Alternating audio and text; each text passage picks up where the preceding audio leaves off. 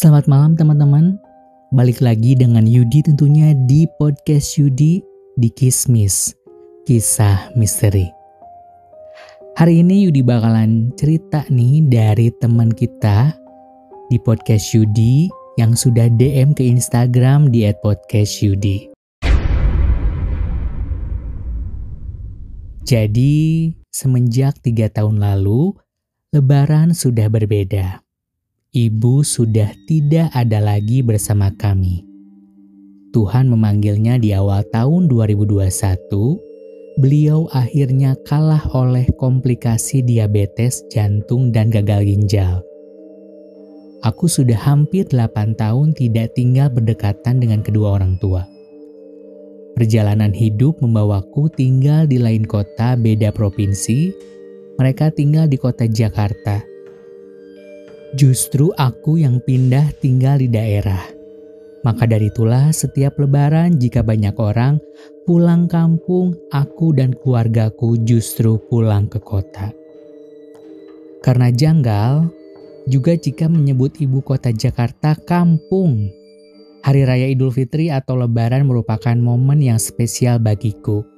Teringat saat aku masih tinggal bersama orang tua, sejak kala masih sekolah sampai di bangku kuliah, hingga tahun-tahun awal masa kehidupan dewasaku bersama istri.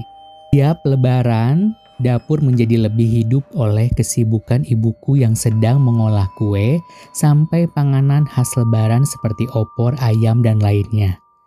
Aku merindukan momen-momen itu, bahkan kini sudah merasakan kehilangan. Ibu memang tidak tergantikan oleh siapa pun. Daerah yang aku tinggali meskipun cukup jauh dari kota Jakarta, namun masih dapat ditempuh dengan durasi perjalanan 6-8 jam, maka itulah tidak ada alasan bagiku untuk tidak mudik pulang tiap lebaran. Aku hanya dua bersaudara dengan adikku, lain hal dengan adikku, dia berpenghidupan di luar Pulau Jawa. Bekerja di perusahaan manajemen bandar udara, setiap lebaran dia tidak dapat pulang dikarenakan justru di momen hari raya aktivitas bandara menjadi lebih padat. Karenanya, dia harus bertugas ekstra waktu. Akhirnya, hanya aku dan keluargaku yang bisa pulang berlebaran sekaligus menengok orang tua. Rumah masa kecilku adalah bangunan dua lantai. Dari segi luas, bangunan memang tidak bisa dibilang kecil, bahkan cukup besar. Dahulu saat aku dan adikku masih tinggal di rumah, rumah itu tidak pernah sepi. Karena aku maupun adikku sering membawa teman-teman karib, sekedar bermain bahkan ada yang sampai bermalam lebih dari sehari. Rumahku bagai rumah singgah akan hal itu, orang tuaku tidak keberatan. Bahkan ibu kelihatannya malah senang. Rumah menjadi ramai. Ibu memang berlatar dari keluarga besar yang merupakan anak ketiga dari delapan bersaudara. Mungkin itulah yang membuatnya merasa senang apabila di rumah banyak orang. Ayahku sangat masih aktif bekerja jabatan di kantornya lumayan tinggi. Penghasilannya terbilang lebih dari cukup maka itulah dia membangun rumah kami menjadi cukup besar untuk keluarga kecil. Hal mana kondisi itu kemudian disesali ibu. Dia tak menduga jika kami anak-anaknya saat menjalani kehidupan dewasa akan pergi meninggalkan rumah. Sebenarnya jika dipikir-pikir bukankah tak seorang pun dapat menerka akan masa depannya? Akan ke mana dan di mana nasib membawanya pergi? Akan jauh atau dekat dari rumah. Rumah ini terlalu besar buat kami berdua. Demikian keluh kesah ibu yang sering disampaikannya. Ia sering merasa kesepian, waktu itu aku sudah berencana pindah kembali ke rumah masa kecilku. Mengingat anakku yang paling besar sudah SMA berencana kuliah di Jakarta. Mata pencarianku sebagai pengusaha juga tidak terikat peraturan siapa pun. Aku sudah sampaikan perihal ini ke ibuku dan dia senang sekali mendengarnya. Namun sayang, seribu sayang, saat aku akan kembali pulang ke rumah justru ibuku yang pergi. Di hari saat ibu meninggal, malamnya setelah ibu dikebumikan, aku dan adikku beserta istri kami masing-masing mengadakan semacam rapat kecil. membahas siapa yang akan menemani ayah sepeninggal ibu. Mengingat umurnya juga sudah cukup sepuh. Pastinya ada hal yang tidak dapat dikerjakan sendiri. Lagi pula rumah ini terlalu besar jika hanya ditinggali seorang kakek-kakek. Aku dan adikku bersepakat Aku dan keluarga kulah yang akan pindah kembali ke rumah sekaligus menemani ayah. Pertimbangannya adalah adikku merupakan karyawan. Dia terikat regulasi institusi tidak dapat minta mutasi begitu saja. Yang paling realistis untuk dapat pindah sesegera mungkin adalah diriku. Dikarenakan berprofesi sebagai wira swasta atau pengusaha, namun dikarenakan usahaku ada di daerah, aku juga tidak dapat langsung serta-merta pindah begitu saja meninggalkan usaha yang sudah berjalan. Kepindahanku itu harus berproses tahap demi tahap. Sejalan dengan itu, sejak itulah sampai saat ini pola aktivitasku menjadi nomaden. Dalam sebulan dua minggu di daerah dua minggu di kota, bolak-balik Meski aku tinggal di daerah selama 8 tahun terakhir ini, bukan sama sekali aku tidak pulang ke rumah. Setidaknya jeda 3 bulan atau paling lama 6 bulan, aku ada saja pulang ke rumah. Dan setiap kali pulang itu aku tidur di kamarku yang lama di lantai atas mesti repot-repot bebersih terlebih dahulu. Dikarenakan debu yang sudah menebal, bahkan juga ada sarang laba-laba, benar-benar seperti rumah kosong. Sewaktu ibu masih ada, saat aku pulang, aku memperhatikan lampu-lampu di lantai atas dan kamar-kamarnya selalu dalam keadaan menyala meski di siang hari. Saat aku tanyakan mengapa lampu dibiarkan menyala demikian, dia tidak menjelaskan apa-apa selain Gak apa-apa biar gak ada yang lain yang ngisi. Aku memang sudah mendengar perihal apabila kamar atau rumah dalam keadaan kosong, tiga hari saja maka ada makhluk halus yang akan mengisinya. Dahulu mendengar perihal itu aku menanggapinya hanya sebatas angin lalu saja. Ayahku pun demikian. Dia adalah seorang yang mengedepankan logika. Meskipun belakangan jika ada kesempatan, aku bercakap dengan ayahku. Dia pernah menyampaikan jika di lantai atas dia sesekali mendengar seperti ada orang. Kadang terdengar langkah-langkah, bahkan sampai terdengar seperti ada orang yang berlari. Mendengar hal demikian, keluar dari mulut ayahku cukup membuatku terperangah juga. Tumben banget bokap mikirin hal-hal begitu pikirku. Memang saat ibuku masih ada pun pernah suatu kali kami bercakap di ruang makan, tiba-tiba dia berseru sambil menatap ke arah sudut dekat wastafel. Heh, siang-siang udah keluar. Melihatnya demikian aku jadi bergidik sendiri. Aku memang sudah tahu dari keluarga besar ibuku bahwa beliau memiliki indera keenam berkemampuan melihat makhluk halus, tapi kemampuan ibuku itu tidak diasahnya, hanya sekedar mencari ciri khasnya yang membedakan dia antara saudara-saudaranya dan juga orang kebanyakan. Maksudnya, orang yang memiliki ketajaman indera keenam biasanya akan menjadi semacam cenayang atau semacam orang pintar, tapi dia tidak dengan ibu. Dia merasa biasa-biasa saja, bahkan cenderung penakut. Kata ibuku di ruang makan ada sosok yang berwujud seperti bayangan, hitam belaka mes meski berbentuk manusia. Sosok itu kerap keluar atau muncul kemudian hilang di sudut ruang makan sebagaimana aku sampaikan sebelumnya. Lain halnya di dapur, dia bilang ada sosok putih Pertama aku tak mengerti sosok putih apa yang dimaksudnya itu. Hingga suatu hari saat aku sedang berkunjung ke rumah, saat itu waktu subuh aku terbangun dan bersiap melaksanakan sholat subuh. Di lantai atas tidak terdapat kamar mandi. Kamar mandi terletak di ruang bawah, tepatnya bagian dari dapur. Maka aku harus turun untuk mengambil air wudhu sekalian terlebih dahulu kencing dan membasuh muka dengan air untuk mengusir rasa kantuk yang masih tersisa. Di saat air kuku, kukucurkan dari keran, di antara suara gemericik air, aku mendengar suara lain dari luar. Bruk, bruk, telinga kiriku menangkap suara tersebut. Aku merasa heran, bertanya sendiri, suara apa sih itu? Untuk memperjelasnya, aku matikan aliran air dari keran. Suara itu tak terdengar.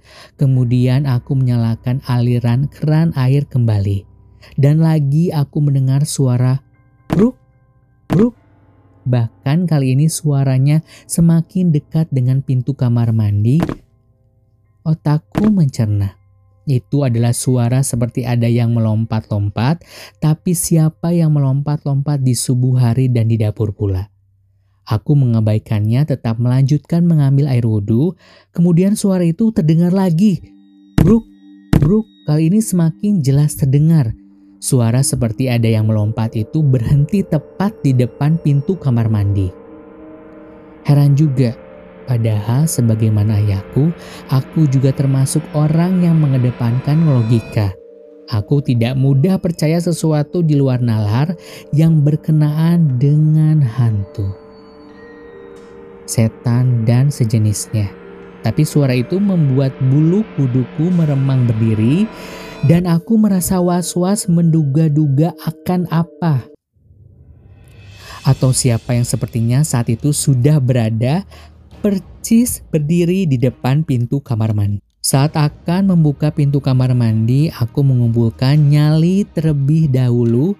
Jantungku berdegup kencang, namun ketika membuka pintu kamar mandi dengan cara segera, aku tidak melihat siapa pun atau apa pun di sana. Pada malam tertentu aku juga kerap terbangun karena mendengar ada suara orang yang melangkah lalu lalang di luar kamar. Pada awalnya, kukira itu adalah ayahku atau ibuku. Aku panggil mereka, Pa, Ma, tak ada yang membalas menyaut. Lalu aku membuka pintu, tak ada siapa-siapa. Pernah juga saat ada suara seperti orang yang sedang berjalan, aku sengaja hanya mendiamkan tidak menyapa. Namun kemudian pada bagian bawah celah pintu, aku melihat bayangan kaki yang sedang berdiri saja persis di depan pintu kamarku. Lalu dengan hati berdebar, aku menunggu apa yang akan selanjutnya terjadi. Ternyata bayangan sosok itu hilang begitu saja.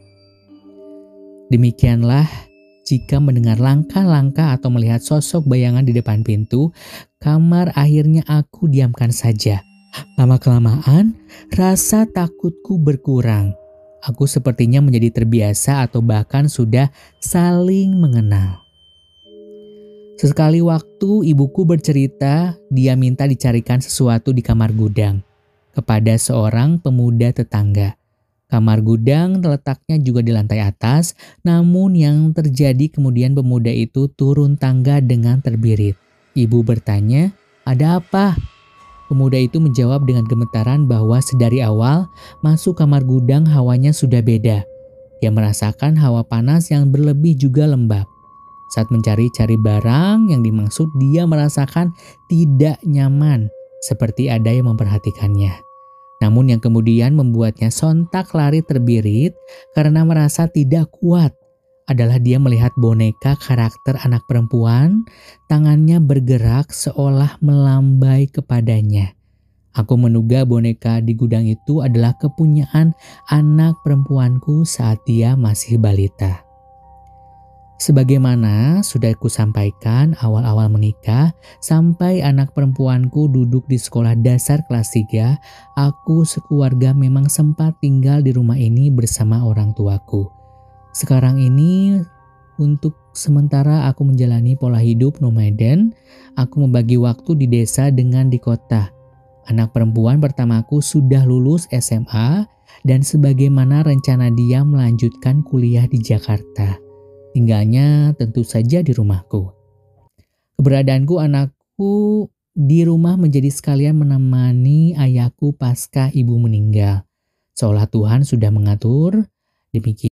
Demikian, istriku sementara masih di daerah pengurus operasional usaha. Saat ini kami sudah mengkader karyawan yang bisa dipercaya agar pada waktunya kami pindah sekeluarga, nanti kegiatan operasional usahaku bisa dialihkan kepada karyawan yang terpercaya tersebut. Anakku yang bungsu saat ini masih duduk di kelas 11 SMA atau kelas 2. Rencananya saat si bungsu lulus SMA, kami sekeluarga baru pindah kembali ke rumah di Jakarta. Di lantai atas rumahku ada empat ruangan. Dua kamar yang cukup besar adalah dahulu kamarku dan satunya lagi kamar adikku. Lalu satu kamar yang luasnya tidak terlalu besar. Maksud awalnya akan dijadikan kamar pembantu rumah tangga sekaligus dijadikan ruang setrika pakaian. Satu ruangan lagi letaknya di ujung adalah difungsikan sebagai gudang. Anakku menempati kamar yang dahulu adalah kamarku. Sedangkan aku sekarang menempati kamar yang dahulu kamar adikku. Suatu malam, sekitar jam 12 malam, aku mendengarnya berteriak histeris. Teriakannya sontak membuatku terbangun dan segera berlari menuju kamarnya. Kenapa kamu nak? Tanyaku kepadanya. Aku melihat keningnya dibasahi peluh keringat padahal kamarnya ber-AC. Ah, ah, ah, ada po, po, pocong ya, Jawabnya terbata. Pocong? Tanyaku lagi. Yang benar kamu nak?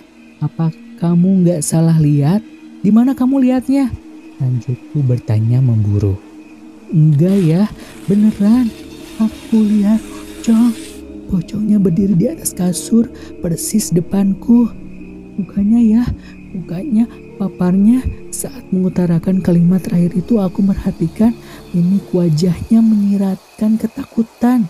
Lalu dia melanjutkan, mukanya gelap hitam gosong gitu ya. Terangnya sambil menutup wajahnya dengan selimut. Aku berusaha menguatkan hatinya. Udah nak, gak apa-apa, ada ayah di sini.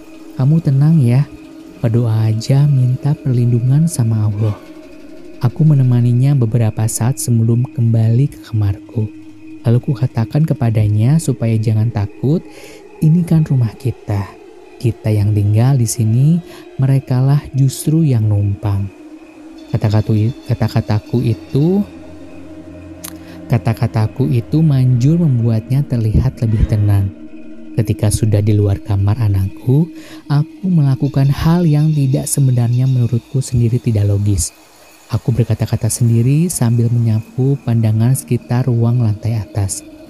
Assalamualaikum, siapa pun kalian, ini rumah saya. Saya yang tinggal di sini, kalian yang menumpang. Silakan kalau mau di sini, tapi jangan ganggu. Masing-masing aja.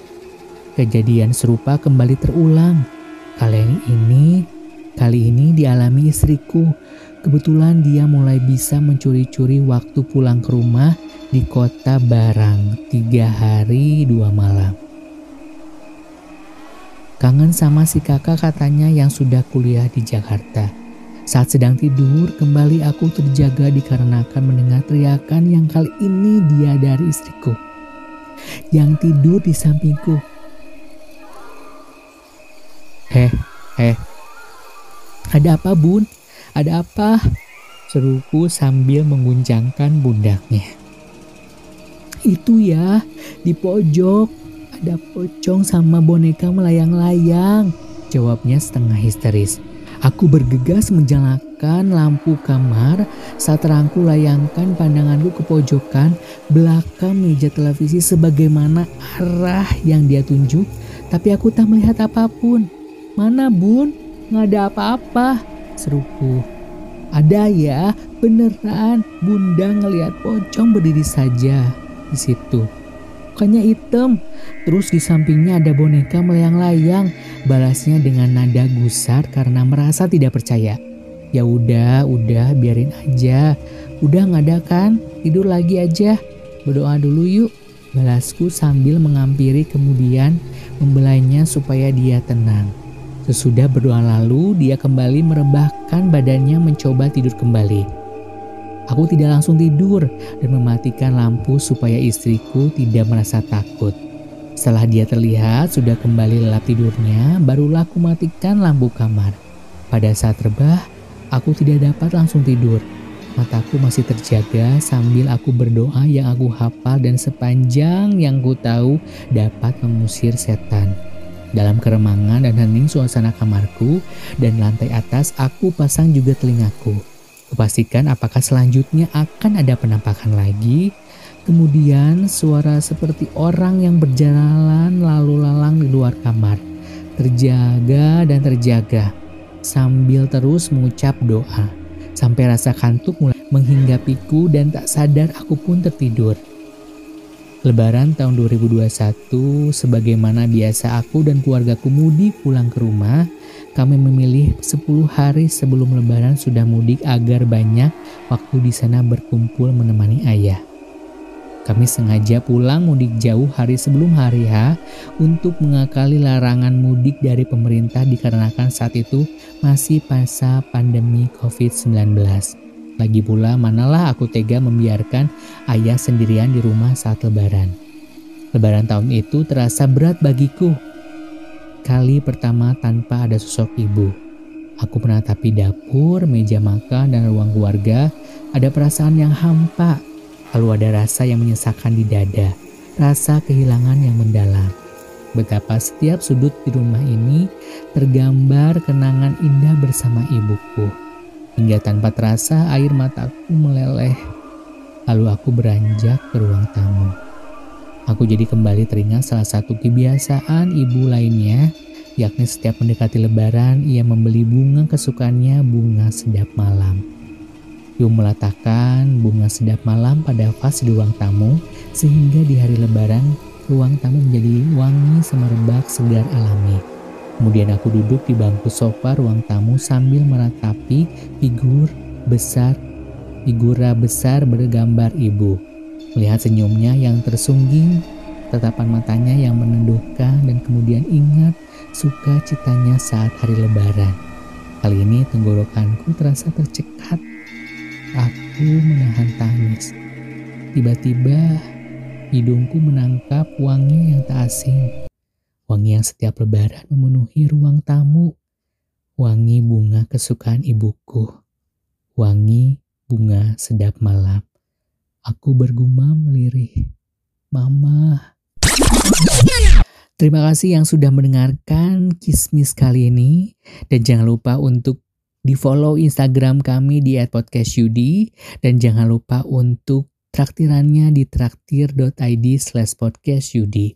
Yudi pamit, margi cap, margi bread, mari kita cabut, mari kita mabret.